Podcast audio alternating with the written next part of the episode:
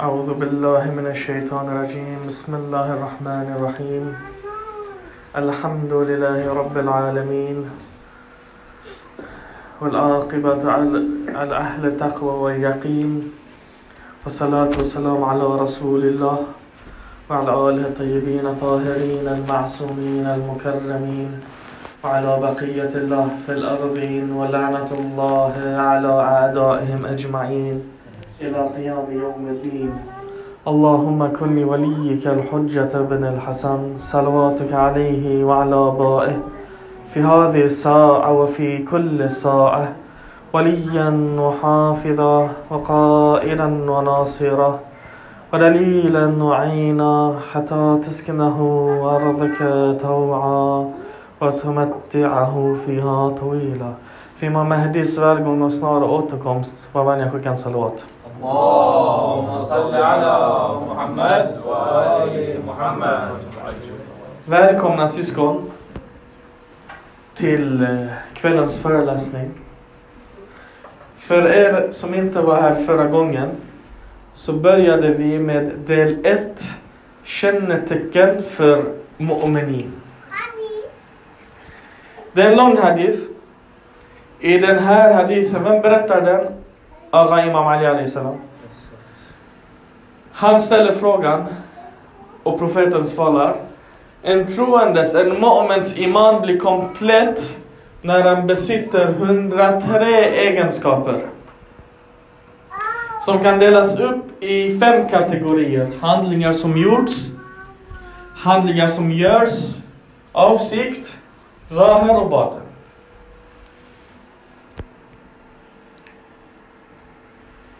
Imam Ali alayhi frågade Vad är de här 103 egenskaperna? Och profeten svarade Ja Ali, bland min sefat al-mu'min Bland den troendes egenskaper är Och detta gick vi igenom förra veckan Konstant reflektion Gör veckor högt Mycket kunskap Mäktigt tålamod Vacker i konfrontationer Nobel i möten och största bröstet bland folket. För de som vill gräva sig så gick vi igenom de här kännetecknen en efter en och pratade om vad de betydde och drog lite olika exempel och historier från det. Detta finns uppladdat på Azan tillsammans med en pdf av powerpointen för er som vill gå tillbaka eller som inte har sett den. Idag fortsätter vi på den här hadithen. Idag och inshallah nästa gång i slutet av månaden. Och se hur många tecken vi hinner med. Detta är sju tecken av 103 tecken. Åttonde tecknet. Adallahum nafsa. En mu'min är ödmjuk i sin nafs. Kolla. Dhellat på arabiska, inte persiska. På, persiska det är lite så här förnedrande. Det är som det är um, valid du är förtryckt, du är liksom förnedrad. Men inte arabiska. I arabiska dhallat betyder ödmjukhet och dhalul är en som är disciplinerad. Det vill säga om man sätter ihop de här där en troende har en ödmjuk, disciplinerad nafs. Alltså eh, jag. Han är ödmjuk, han ser sig själv inte som bättre än andra. Men han tappar inte sin självrespekt. Det är viktigt. Alltså han tillåter inte förnedring. Många när de föreställer sig mu'minin, de tänker att ah, den person han är jätteödmjuk, han bara liksom buggar åt alla, ah, tack, tack så här. Och han är kanske så i vissa nivåer, men så fort det handlar om hans ära som en muslim, som en troende, där är han tvärtom, där är han stark. Så han är ödmjuk inför folket, men inte när det gäller förtryck. Den heliga Koranen säger Och Ebar Rahman, de går lugnt och värdigt på jorden. Och när Jahilun tilltalar dem, de ignoranta, Qalu salama, de säger salam, frid var med er. Alltså de är, de talar med frid, med harmoni, med lugn. Detta är Koranen som säger. Profeten säger Det finns ingen som visar ödmjukhet för Gud utan att Gud höjer upp honom. Ja, när du sänker dig för Guds skull och Gud höjer dig. Det här är vackert. Salman Farsi, Rahmatullah Ni har hört mycket om honom, eller hur? Han är en av de största ashab av till profeten, till Imam Ali salam. Han var guvernör i en stad i Syrien. Och när han var guvernör, en dag han gick i marknaden. Det kom en man, han sa jag behöver, han har köpt någon stor, ska man säga grus, han ska renovera trädgården om vi säger så, han köpt massa grus. En stor säck med grus, jag behöver hjälp av någon som kan bära den här. Salman kommer, han säger jag kan hjälpa dig. Han tar den här säcken med grus, lägger den på axlarna och de promenerar. På vägen, någon säger till honom, möter de säger Assalamu alaikum Amir till Salman, så Assalamu alaikum och ledare. Och när den här mannen säger han säger ah, han tittar på honom och säger nej du guvernören, vad har jag gjort med mig själv? Hur kan jag? Nej, nej, ge mig påsen. Han tar påsen, han sa nej. Nu har vi kommit överens. Han bär påsen med honom till hem med honom, lägger den i trädgården. Och han säger, titta. Jag ska säga en sak till dig. Om du kan bära en börda själv, be inte andra om hjälp. Han lärde honom en läxa. Ja, Nikola, du är redo att låta någon annan bära din börda, eller hur? Men om det är guvernör, du vill inte. Så det betyder att du ser på folk olika, du värderar dem olika. De som är över dig, nej de ska inte göra någonting. Och de som är under dig, de ska arbeta åt dig.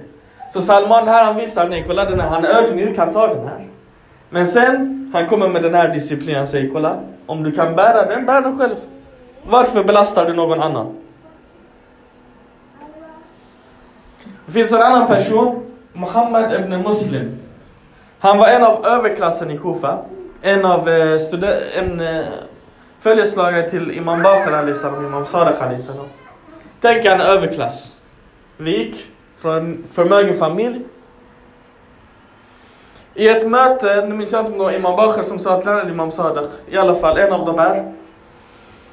Säger till honom, de pratar om ödmjukhet och de berättar hur en person som är ödmjuk för Gud, hur han växer. Den här personen han tog det på allvar. Vet ni vad han gjorde? Han gick och satte sig på marknaden. Gick och köpte en låda, en kartong med lök. Och sen så ah, kom och köp lök, kom och köp lök. Fyra kronor kilo, fyra kronor kilo. Hans släktingar, de i familjen passerade och sa, vad gör du för någonting? Det här, det här är förnedrande, skäms du inte? Du förnedrar hela vår släkt. Vi är den här överklassen, hur kan du göra så här? Han säger, nej nej, jag sitter här för min imam har sagt att man ska vara ödmjuk inför folket. Jag ska sitta här tills jag säljer all lök jag har i kartongen. Han satt där hela dagen. Hans släkt, sen när han kom efter arbetsdagen, de började förnedra honom. Kolla här, vad är det här? Det har blivit en fattiglapp. Om det är så här, du kan lika bra gå och bli en bagare och sälja bröd. Han sa okej. Okay. Dagen efter, han tog sina pengar, han köpte lite bageri. Han började sälja bröd.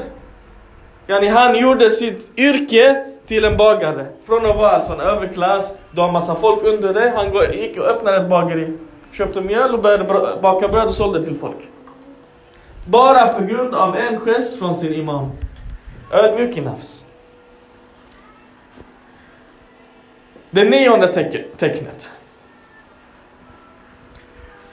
Dhahikatu tabassuma. Alltså när han skrattar, dhahika det är skratt. Hans skrattar den troendes, han är inte ha ha ha ha, utan han ler. Imam Sadiq salam säger den troende skrattet är ett leende. Imam Ali salam säger profetens skratt var ett leende. Profeten säger om ni visste vad jag vet skulle ni skratta lite och gråta mycket. Och bland dem, bland hans eh, humör eller halat eller tillstånd. De berättar till exempel att efter Surah Hud, tror jag det var, upp, uppenbarades som talade om helvetet och till och med vissa muslimer kan hamna där i. Profetens län, den blev mindre. Och efter Me'raj, när han fick vittna, bevittna helvetet med egna ögon. Efter den han nästan, han kunde inte när han lo, leende, hans leende blev ännu mindre. Därför han säger om ni visste vad jag vet, ni skulle skrattat mindre och gråtit mycket. Eller i en annan hadith, han säger varför? När man skrattar mycket, det dödar hjärtat. Har ni testat syskon när ni sitter i en majlis, i en, eh, i en samling, ni sitter med några vänner, när man bara skojar och skrattar. Efteråt, när du ber, du får inte den här mjukheten i hjärtat.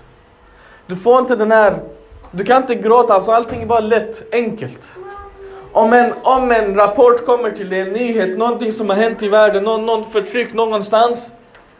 Den påverkar inte lika mycket. Det är den. فَإِنَّهُ يُمِيتُ الْقَلْبِ Alltså den dödar hjärtat. I en hadith Qudsi, Allah säger Jag förvånas över min tjänare som inte vet om jag är nöjd med honom eller inte och han skrattar. Ja, just när jag sitter här. Vet jag om Gud är nöjd med mig eller inte? Jag vet inte. Så kan jag skratta då.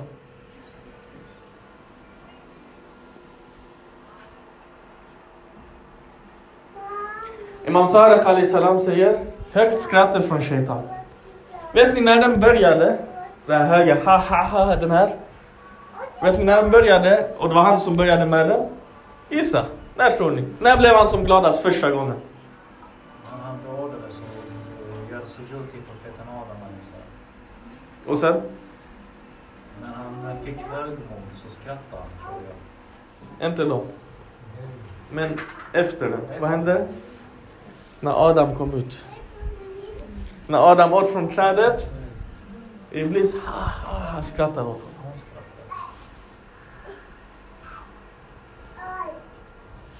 Imam Ali Ali salam säger för mycket skratt minskar prestige. Nej jag vet inte. Eh, heiba. Hur översätter man heiba? Jag fick det till prestige. prestige. Status, prestige. Alltså ditt anseende inför folk. Något i den stilen. Gott anseende. Vad sa du? Gott anseende. Gott anseende, ja precis. Någon som står liksom bland folket, han har en viss status. Alltså tänk, vad ska jag säga? Tänk dig din Marja, okej han står här. Tänk om han bara skulle börja skratta ha ha ha så här. Hur skulle du sett på honom? Förstår ni? Det är den han säger Imam Ali Ali salam. Han säger också, Imam Askari, från ignorans kommer skratt utan orsak. Yani det är från jahl, du bara, från ingen, ha ah, ah, ha börjar skratta åt dig själv. Då är man inte medveten om saker och ting. Varför är det så här syskon? Nu jag menar inte, kolla, detta betyder inte att vi ska bara gå omkring och gråta. Jag menar inte det här. Denna pratar om att man eh, skrattar, hånskrattar. Förstår ni vad jag menar? Inte att man ler. Annars Imam Ali liksom, man är känd för att när Muawiya skulle visa ett fel hos Imam Ali, vad ska jag säga till honom? Vad ska... Ah, han skämtar för mycket. Ja, det enda felet som de, han kunde hitta på Imam Ali, han skämtar för mycket. Inte att han skämtade i onödan, hans skämt var med visdom. Men det är inte det. En troende är glad, positiv, allt sånt här. Men hans skratt är inte den här skrattet som shaitan. Hans skratt är eh, även den under kontroll. Varför är det så här? Varför? Det fanns i en stad någonstans i världen där folket de hämtade en kung. Den här kungen fick vara kung i ett år. Efter det här året så tog de kungen, så hade de en ö. Så de satte kungen på en båt och skickade honom till den här ön. Så de sa till den här personen Du får vara kung i ett år, gör vad du vill. Och här är alla våra pengar och skatt och egendom och allting. Men efter ett år måste du åka till den där ön. Och så måste du bo där resten av ditt liv. Så år, flera, år ut, år in, en kung kom. Han levde som en kung, han hade stora fester, han slösade, han hade trevligt. Tills hans år, han skrattade. Året tog slut.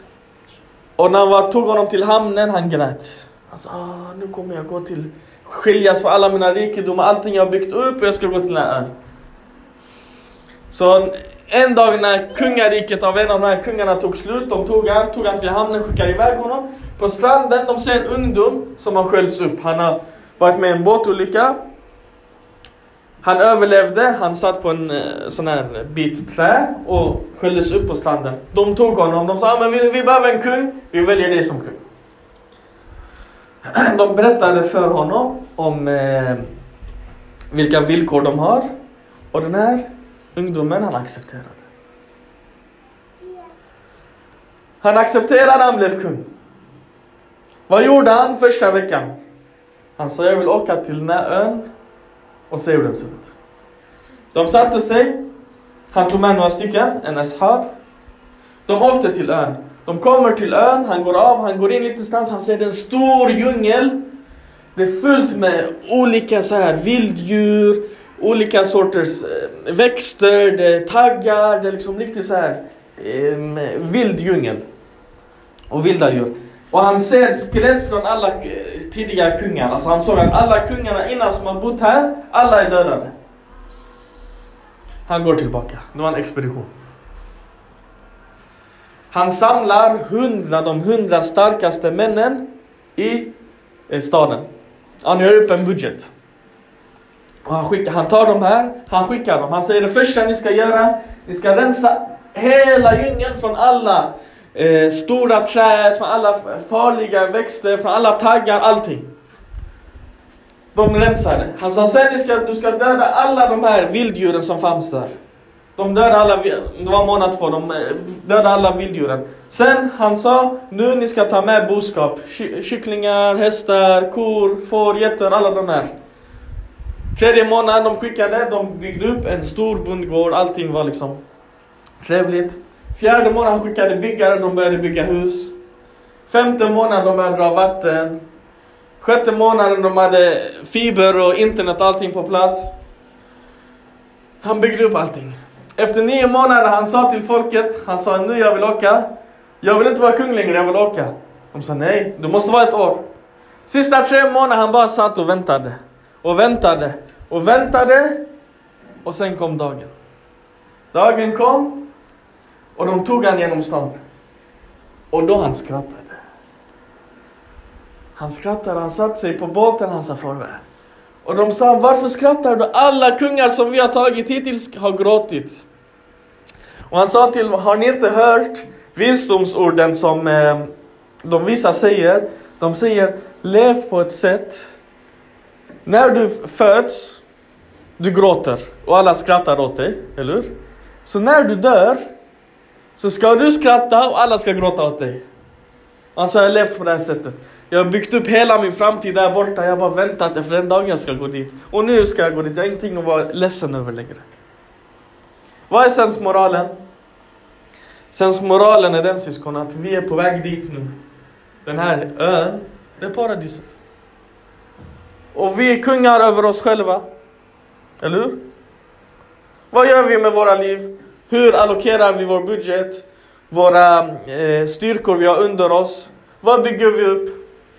Skrattar vi här så vi gråter sen? Eller gråter vi här så vi skrattar sen? Den heliga Koranen säger Innan ladina ajramu, alltså de kriminella brukade skratta åt de troende. Detta är Surah Mutafafin. Och senare, 34 verser senare فَالْيَوْمَ الَّذِينَ آمَنُوا مِنَ الْكُفَّارِ يَضْحَكُونَ Så på den dagen kommer de troende att skratta åt förnekarna. Yani det blir ombytta roller. Det är så vackert syskon. Så nionde exemplet där, leende. Leende skratt. Tionde exemplet. Tionde eh, egenskapen. En troende träffas bara för att lära sig. Yani han går i olika möten, jobbet, skolan, med andra troende, de här samlingarna. Han kommer dit, han ska gå därifrån, han ska lära sig minst en sak. Han ska ha fått någonting från det.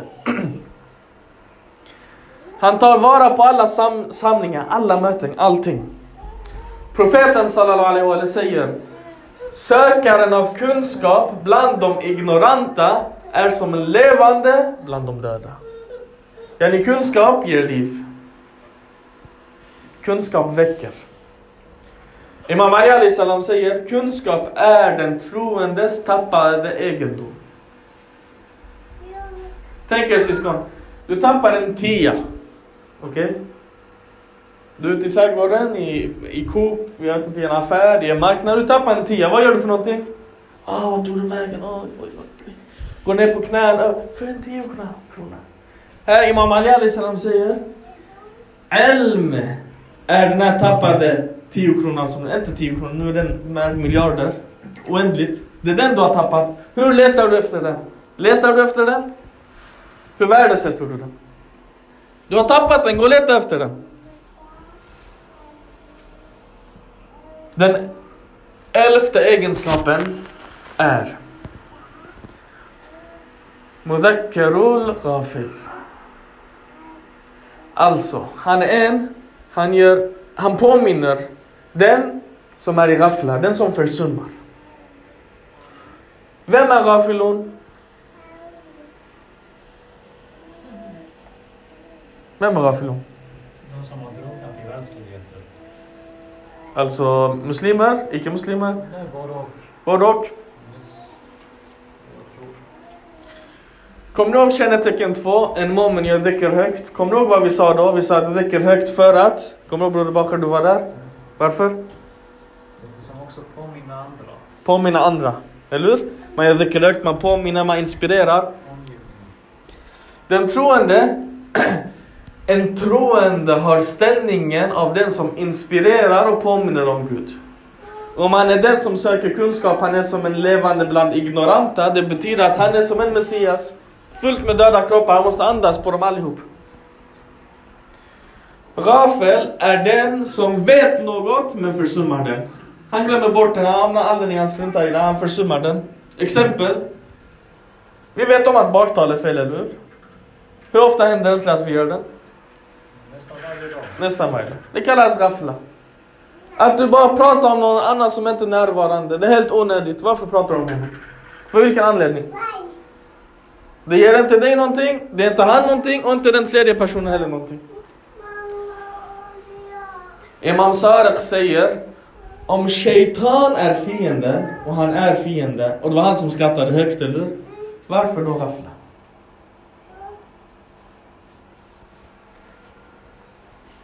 Koranen säger om shaitan innahu lakum aduun. Alltså uppenbar fiende. Okej syskon, kolla här. Nu vi bor på, nu är vi på Norra Grängebergsgatan, eller hur? Om det kommer en rapport till oss nu, den säger där nere just nu när vi går ner på gatan, det står en man. Den här mannen, han har en AK47 i handen. Och varenda person som ser ut som en muslim, han kommer skjuta honom. Vad gör vi då? Går vi ut som här, här ingenting och går på gatan och så vidare? Eller är vi försiktiga? Vi tänker hur ska vi gå härifrån? Hur ska vi ta oss förbi honom? Eller hur ska vi attackera honom och tillintetgöra honom, eller hur? Äh. Vänta. Ja, ja, ja, just det, det var mördaren. Nej, inte så här. Kolla. Om shaitan är fiender, varför gaffla? Det finns inte. Hur kan man gaffla om han är fiende? Har han gaffla? Nej. Hur kan han inte ha gaffla och vi har gaffla? Varför inte shaitan säger att ah, idag jag pallar inte med de här troende. Jag ska bara sitta och kolla på Netflix hela dagen. Varför gör inte han så? Varför gör vi gör så här? Yani vad har han för drivkraft? Yani hans drivkraft är agg, hat, negativ. Hur kan hans drivkraft som är det mörka vara starkare än våran som är det ljusa? Jag förstår inte. Vi har också en hadith som säger att shaitan är konstant arbete. Konstant arbete. ja. Shayatin jobbar effektivt, mu'minin jobbar effektivare. En mu'min är i krig med, med shaitan. Han bryr sig inte om icke-muslimer och muslimer, alltså så här vanliga. Han bryr sig om mu'minin. Det är de, han vill inte de ska utvecklas. Mina vänner. Ni vet, ni har hört hadithen Zikru Ali och Ibada, eller hur?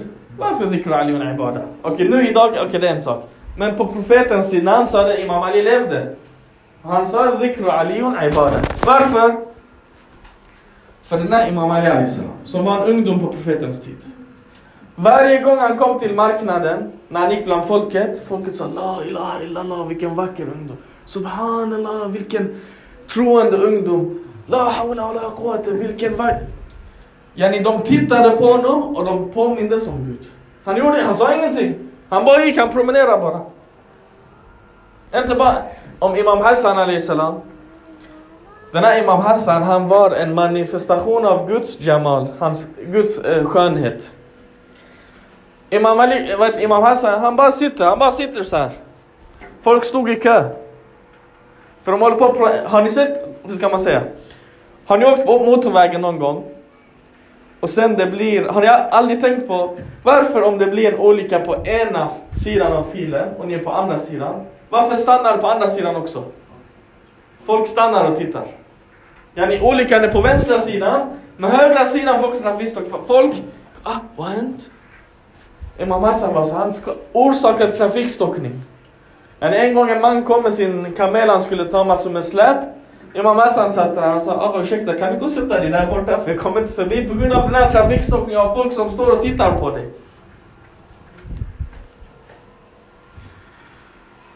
En mu'min påminner den som försummar. Och sen. Muallamul jahil. En troende är en lärare till en ignorant. Yani han lär den som är okunnig i sin omgivning. Vad var Rafel? Han som visste men försummade. Vad är Jahel? Det är en som inte vet. Han vet inte. Det är ungefär som den här standard som muslimer går igenom under Ramadan. Varför fastar du? Ah, är det en Jahel han vet inte, du kommer informera honom.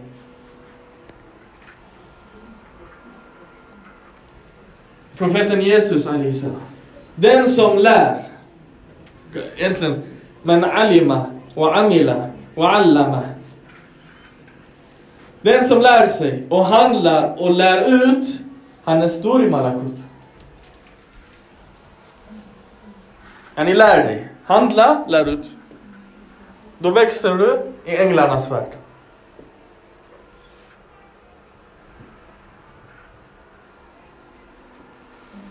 Imam Bakar salam. För läraren av det goda ber om förlåtelse jordens varelser och fiskarna i havet och alla stora och små i Guds jord och himmel. Detta är den ställning som en troende har med den egenskapen. Du står i Malakut och allting på jorden, till och med fiskarna, allt ovanför och under land ber för dig. Och alla varelser i himlarna som finns. Vad mer vill du ha? Vad betyder att de ber för dig syskon? Det betyder att de är under din kontroll. För de här är dunja. Men när du blir stor i Malakut, då äger du mulk också.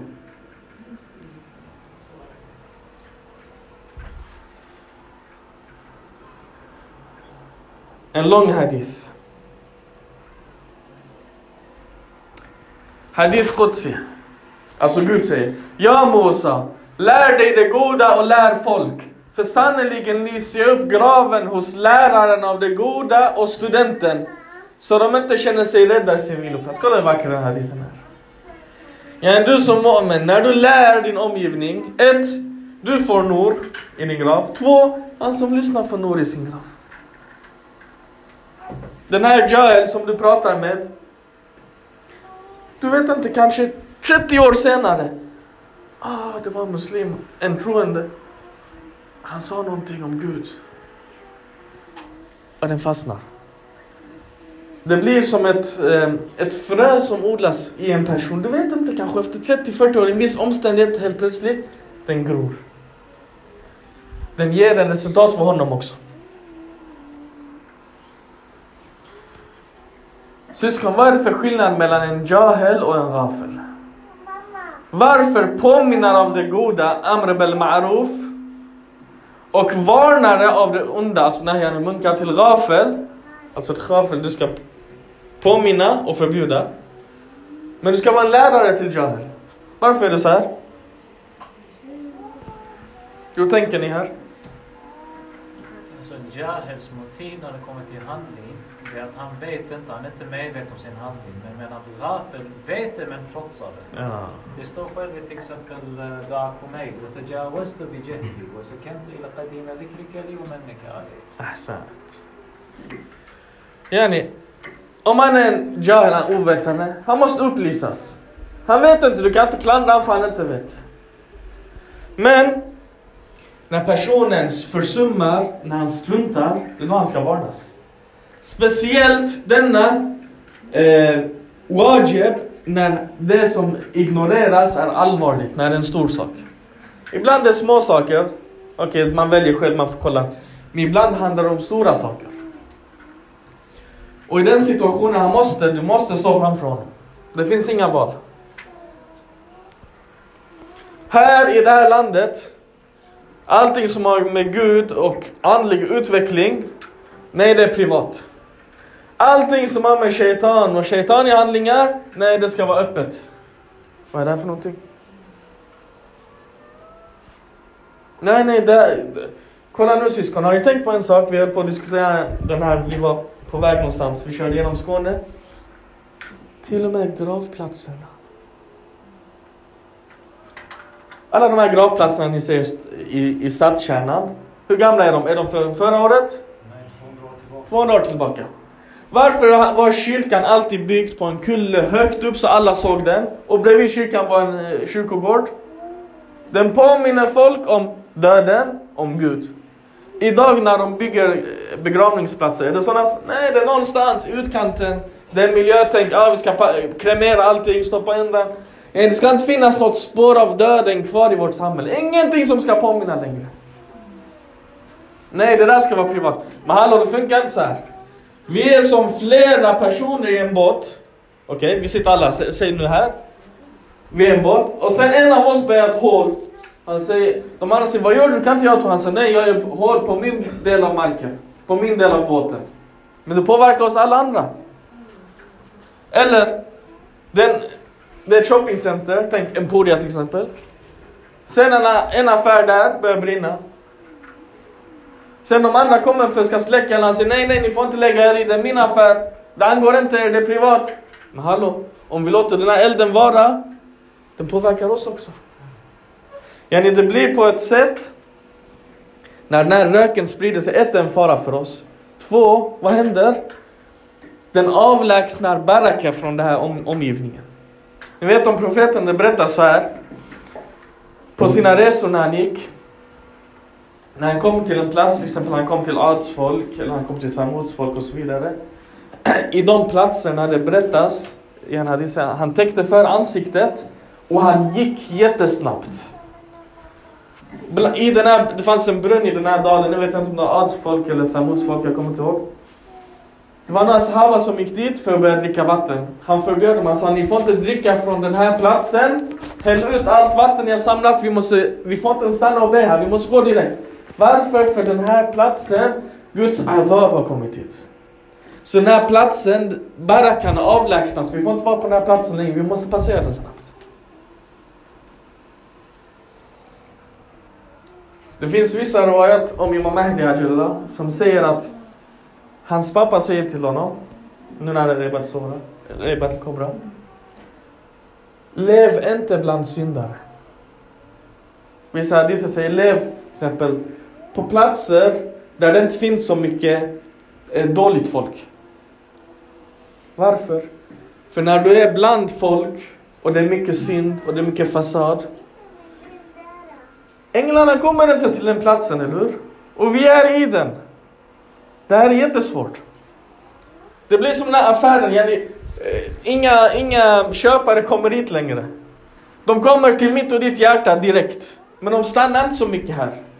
Medan kanske du går till en helig plats, vad händer när du går till en helig plats? Hela ditt hjärta öppnas, eller hur? Yani, även om ditt hjärta är stängt, av den här platsen, det kommer så mycket baraka så du blir öppen. Här är det tvärtom, hela platsen är stängd och du måste kämpa för att öppna ditt bröst. Lärare till en ignorant. Det är kännetecken för mu'min.